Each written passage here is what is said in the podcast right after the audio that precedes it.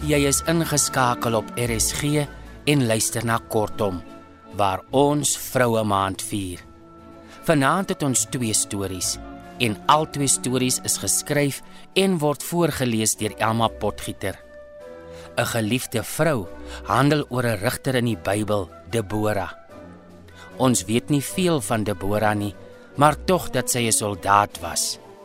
Elma het haar verbeelding laat gaan en vir Debora 'n milieu geskep.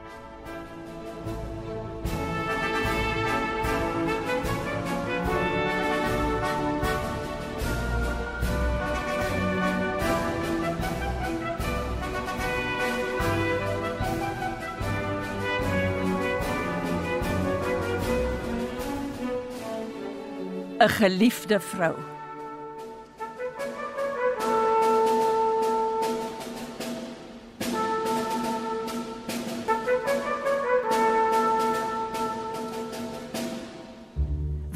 Jy soos 'n oordentlike meisie jou kus begin regmaak? My kus. Ja, jou kus, Debora. Bedoel jy vir my begrafnis? Jy weet goed wat ek bedoel. So Sarah was bloedrooi van woede. Nee, ek weet nie. So Sarah het na haar hare gegryp uit frustrasie. Jy sal nooit 'n man kry nie. Op sulke dae is dit die beste om my ouer suster te ignoreer. Daardie tyd van die maand is sy altyd so. Onmoontlik om mee saam te leef. Dan maak ek my so gou as moontlik uit die voete, vroeër as gewoonlik. Gelukkig het ek 'n vaste plig elke dag om my pa en broer se ete vir hulle te vat. Harmon, ons ouer broer se kos vat ek vir hom na die Koringland of Weiveld toe en my pa se naby die stadsmuur van Rama. Ek wag gewoonlik 'n klein entjie daarvandaan tot my pa vir my wink. Dan gaan gee ek vir hom die kosmandjie en die wyn en gaan sit weer onder die palmboom.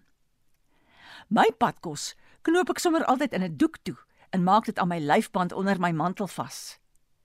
Pa se kosmandjie hak ma altyd aan 'n tou vas wat ek ook om my lyf bind. Die wynsak ook. Dan is jou hande vry sodat jy jou wandelstok kan vashou. Sê ma altyd voor sy my teen haar vasdruk voor ek loop. Ma is anders as meeste ander vrouens. Ek weet hulle is kinders van my wat so alleen rondloop, maar ma glimlag net.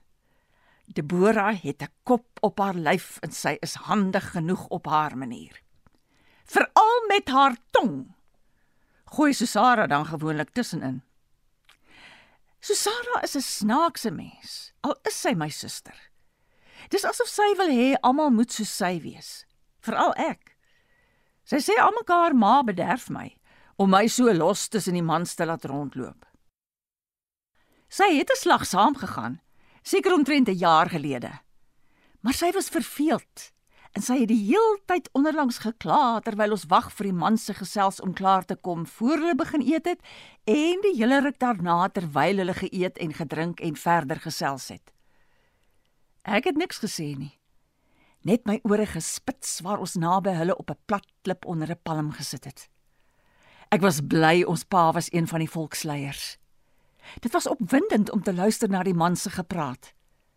Baie interessanter as die vroue se geklets oor geboortes en dood en siektes en die onheiligheid van sommige slegte vroue. Die mans het gepraat oor die onderdrukking van die volk onder 'n vreemde koning van 'n goddelose nasie en oor ons God wat wil hê ons moet vry wees. Vry om te dink en te doen wat vir die volk die beste sal wees. Vry. O, om vry te wees, vry van onderdrukking, vry om te dink en vry om vir jouself te besluit. Dis wat ek graag wil doen, soos ma en ons pa. Hulle is vry mense wat ons drie kinders grootgemaak het met dieselfde vryheidsliewendheid. Behalwe Susara. Susara is lief vir reëls sommer net omdat reëls reëls is. Ek gaan nooit weer saam nie, het Susara daardie aand verklaar. Ek en Ma het na mekaar gekyk en Ma het net geglimlag. Ma het van kleins af vir ons al drie die wonderlike stories uit ons geskiedenis vertel. Die hartseer maar tog wonderbaarlike storie van hoe ons mense in slawerny in Egipte beland het en die lotgevalle van Josef. O, oh, as ek eendag 'n man soos Josef kon kry. Mooi, slim en so lief vir my dat hy nooit ooit 'n ander vrou sal wil hê nie. En dan die wonderlike verhaal van ons volk se uittog uit Egipte land met die slim en interessante man Moses wat hulle gelei het. Al die wonderlike verhale wat ma vertel het, verryk deur die verband wat pa tussen al die gebeure getrek het. Die lewe het vir my al hoe meer begin sin maak. 'n Mens leef nie net vir jouself nie. 'n Mens leef met 'n bewustheid van die groter goed. Een vroeg aand, toe pa teruggekom het huis toe na nog 'n dag se samesprekinge, het hy uit die bloute gesê: "Die man Lapidot het my vandag uitgevra oor jou." "Lapidot?" "Ja, hy sê julle het al ontmoet, glo by die groot put naby Rama." "O, daardie man, hy vergader ook saam met vader hulle." het ek geantwoord en soos 'n oortreder bloedrooi gebloos. Ek het die mooi man lankal raak gesien tussen die groep manne. Hy was een van die jongstes onder hulle en hy het die mooiste gesig gehad, ook 'n welluidende stem en vriendelike oë. ek bloos weer toe ek aan ons ontmoeting dink. Agtervolg jy my of is dit toevallig dat jy my altyd by die put voorkeer wanneer ek kom water haal? het ek gesê voor ek gedink het. Ek dink hy sal hom vererg, maar toe lag hy 'n helder aansteeklike lag. Die dat ek toe ook lag. Dis hoe ek Lapidot leer ken het. 'n Jongerige weewenaar met 'n groot aantal werkers en 3 kindertjies. Sy moeder en van die werkers se vroue het na die kinders omgesien. Lapidot het my geselskap openlik begin opsoek. Elke dag 'n en saam met my teruggeloop huis toe en dan het ons kopstukke gesels. Hy het respek vir my pa gehad en self ook baie van ons geskiedenis geweet. Maar hy het een nadeel gehad, het hy erken. Hy praat nie maklik met vreemdelinge nie. Jy aard na jou pa, Debora. Jy gesels vrylik met enigiemand en jy kan jou gedagtes duidelik in woorde uitdruk. Eendag het hy my by die waterput met sy hand sag op my arm gestop en die kruik eenkant neergesit. Toe het hy my kop tussen sy hande geneem en my sag gesoen, weer en weer. O, dit was 'n wonderlike gevoel, nog wonderliker as wat ek my verbeel het. Ek het jou lief, Debora. Sal jy my vrou word? Dis te sê as jou ouers instem. En dit is hoe ek Lapidot se vrou geword het. Ons was gelukkig. Behalwe man en vrou was ons ook beste vriende. Ek weet nie presies hoe dit begin het nie, maar mense het my by ons huis kom raadpleeg oor allerlei sake. Seker maar oor al die kennis wat ek deur die jare in my ouerhuis en by die stadsmuur opgedoen het. Buitendien was ek lief vir mense. Seker die dat ek graag met hulle gepraat het. Lapidot het voorgestel hy rig vir my 'n skuilings met sitplekke naby ons huis onder 'n groot palmboom in sodat die mense my daar kon kom spreek. In 'n droom een nag het ek gesien Barak is die man wat teen Jabin die koning van die Kanaaniete moet optrek. Barak het nie verniet bliksemstraal beteken nie, maar hy was ook koppig. Op een voorwaarde sal ek die manskappe aanvoer in die stryd, as jy saam met my as leier uitry. Natuurlik moet jy gaan. Het Lapidot die aand gesê voor ek met my kop op sy bors en my bene ingevleg tussen syne aan die slaap geraak het. En dit is hoe dit gebeur het dat ek saam met Barak teen die Kanaaniete gaan veg het.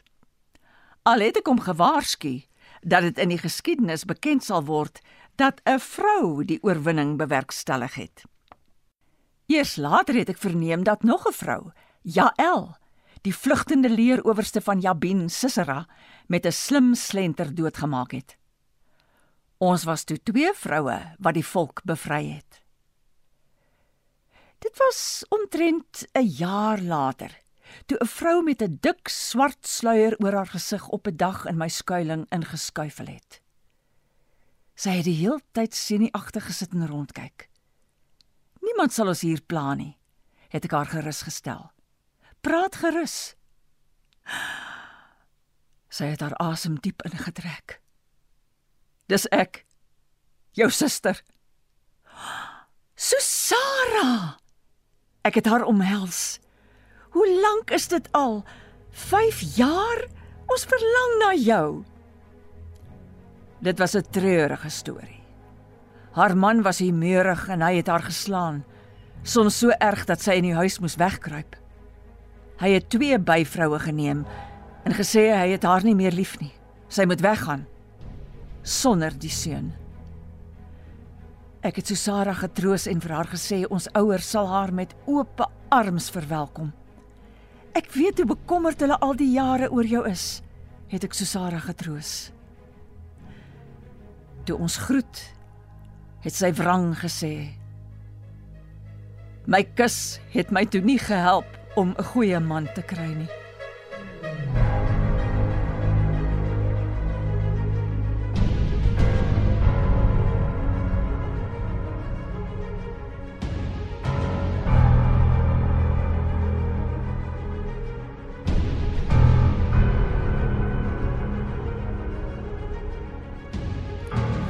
Dit was 'n geliefde vrou, geskryf en voorgeles deur Elma Potgieter.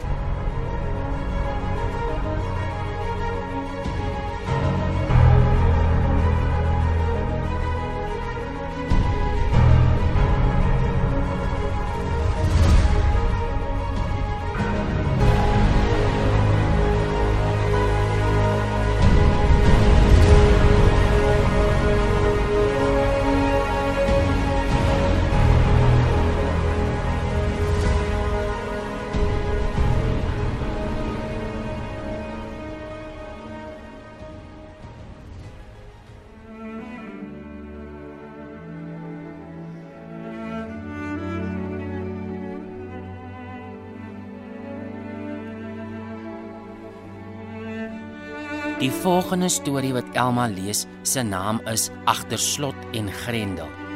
Die storie, ook geskryf deur Elma Potgieter, is vir die eerste keer in die huisgenoot van 14 Mei 2020 gepubliseer.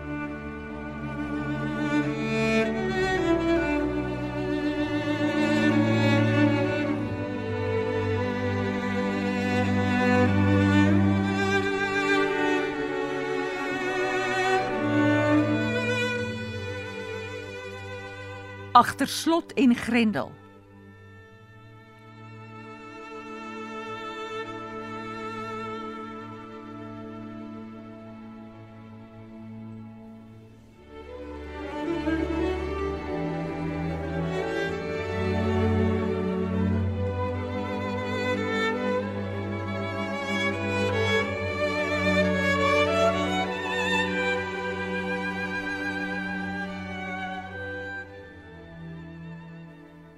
Dit lyk of jy iemand wil doodslaan met daai hark. Ek koes by voorbaat. Die diep manstem wat naby en hard opklink, laat Elisabeth hyg van skrik. Wie's jy? Die eienaar van die huis. Die ellendeling wat haar so laat skrik het, klink asof hy wil lag. Waar's jy? Hierbo. Stefan se kop verskyn tussen die blare van die rankplant wat die dekreëling bo op die dak van die dubbelmotorhuis geil oorgroei. Dis 'n groot manskop met lang donkerbruin hare en 'n baard en sy oë is skreefies van ingehoue lag. Stefan Markgraaf, jou buurman. Waar kom jy vandaan? Hier gebore en getoe, Johannesburg, Suid-Afrika. Antwoord hy opsetlik, nog steeds vol lag, al weet hy presies wat sy bedoel.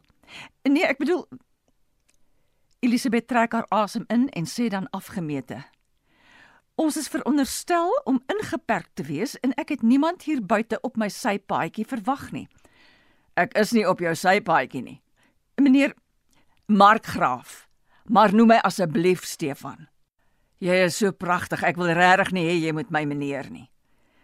Verskoon my meneer Markgraaf, Ek is verskriklik geïrriteerd om verskeie redes wat meesal verband hou met die inperking tot huis en hart en ek mag en wil nie sosiaal verkeer nie. Daarvan gepraat. Dis al voordeel van inperking, sosiale distansiering en ek wil dit graag toepas. Elisabeth lig die hark met die plastiektande doelgerig en begin verwoed herfsblare bymekaar hark.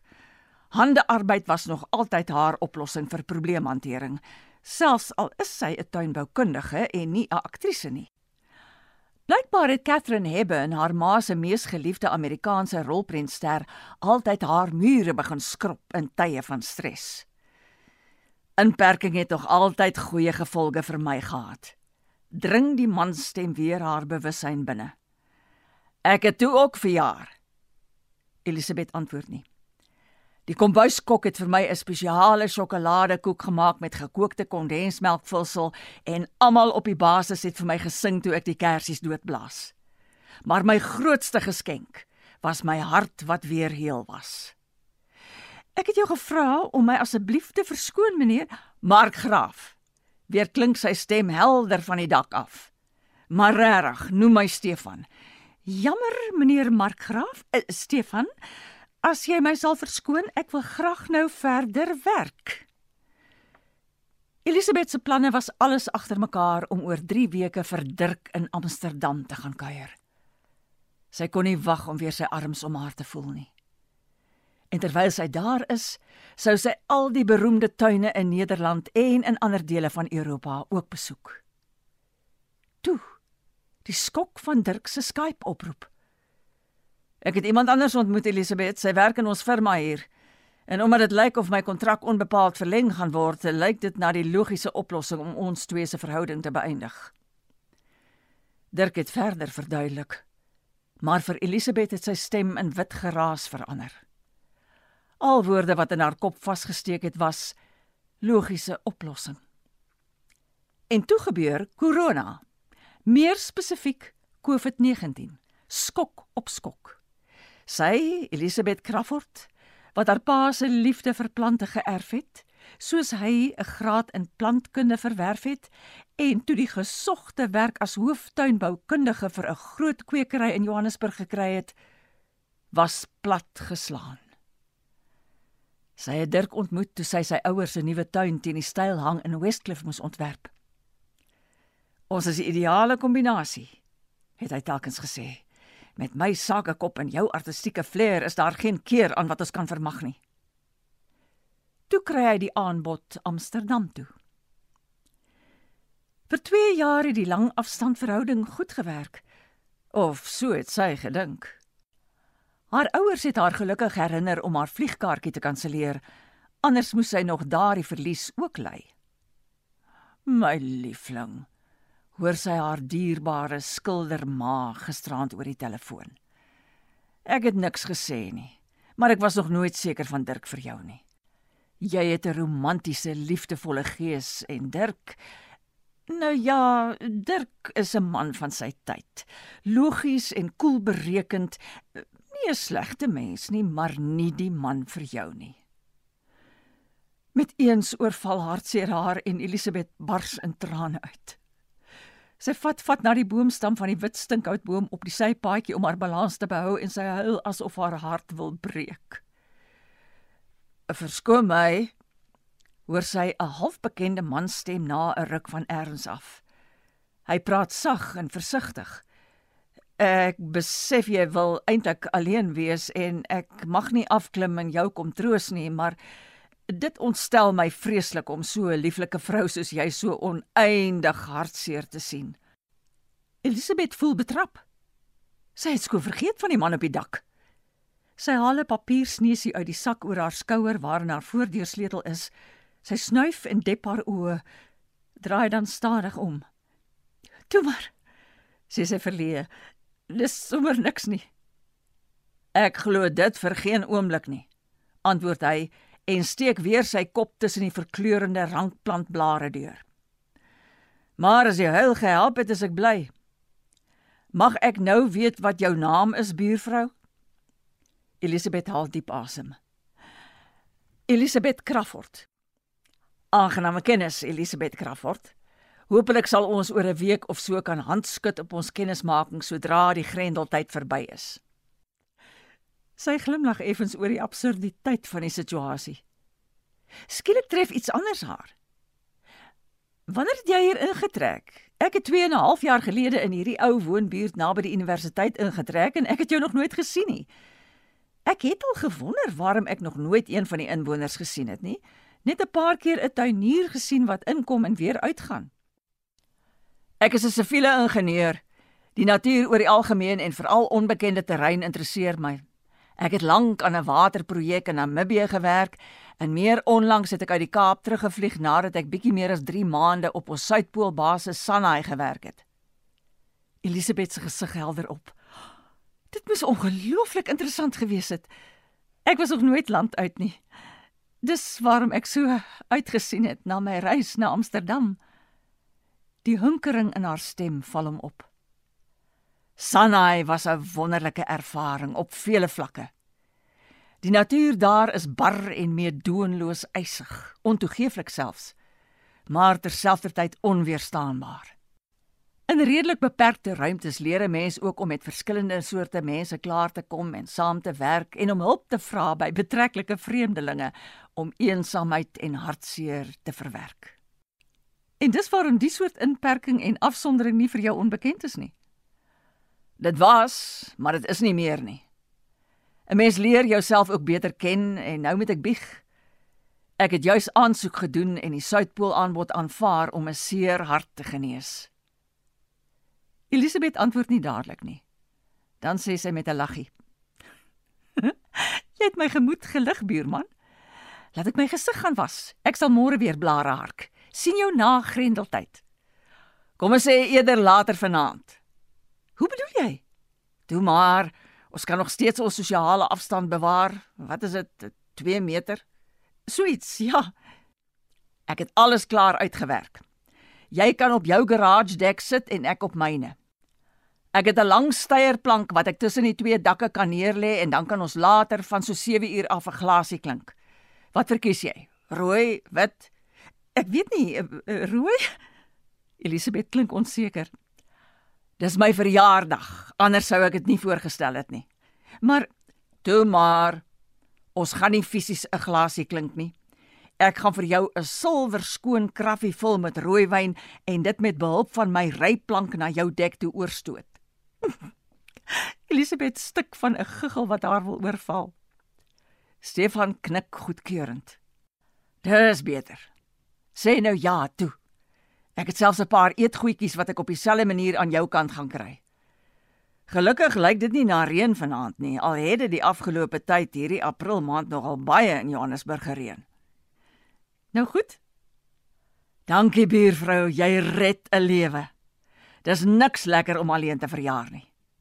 Kry jou 7 uur op die dek, sê hy laf en doen 'n boksprongetjie op sy dak. Gesondheid Elisabeth Crawford. Dankie dat jy ingestem het om my verjaardag saam met my te vier. En dit sonder om 'n enkele korona regulasie te oortree. En Stefan hou sy glas wyn in die lug. Prost buurman. Ek is bly ek kon 'n lewe red in hierdie grendeltyd. En Elisabeth lig haar glas ook. Ping ping. Slaan Stefan liggies met 'n metaalstaafie teen die ysterreëling van sy dek. Dis in die plek van die klink. En nou mag ons offisieel sluk. Veel geluk met jou verjaardag buurman. En Elisabeth proe fyntjies aan die wyn. Ooh, lekker droog, maar nie te droog nie. Heerlik. Baie dankie Elisabeth, sê hy skielik ernstig. Die mens is nie gemaak om alleen te wees nie. Veral nie op sy verjaardag nie. Eindig hy weer op 'n ligter noot toe hy 'n terughoudendheid by haar opmerk. Weet jy waaroor is ek die blyste dat jy juis vandag besluit het om blare te hark? Nee, sê. Wanneer my ma en pa en broer nou-nou bel, kan ek hulle gerusstel dat ek nie stoksielsalig alleen is nie. Ek en my buurvrou vier dit saam. Sy op haar dak en ek op myne. Elisabeth glimlag. Jy laat my aan 'n ou spreekwoord dink. 'n Boer maak 'n plan. Al is dit met 'n steierplank.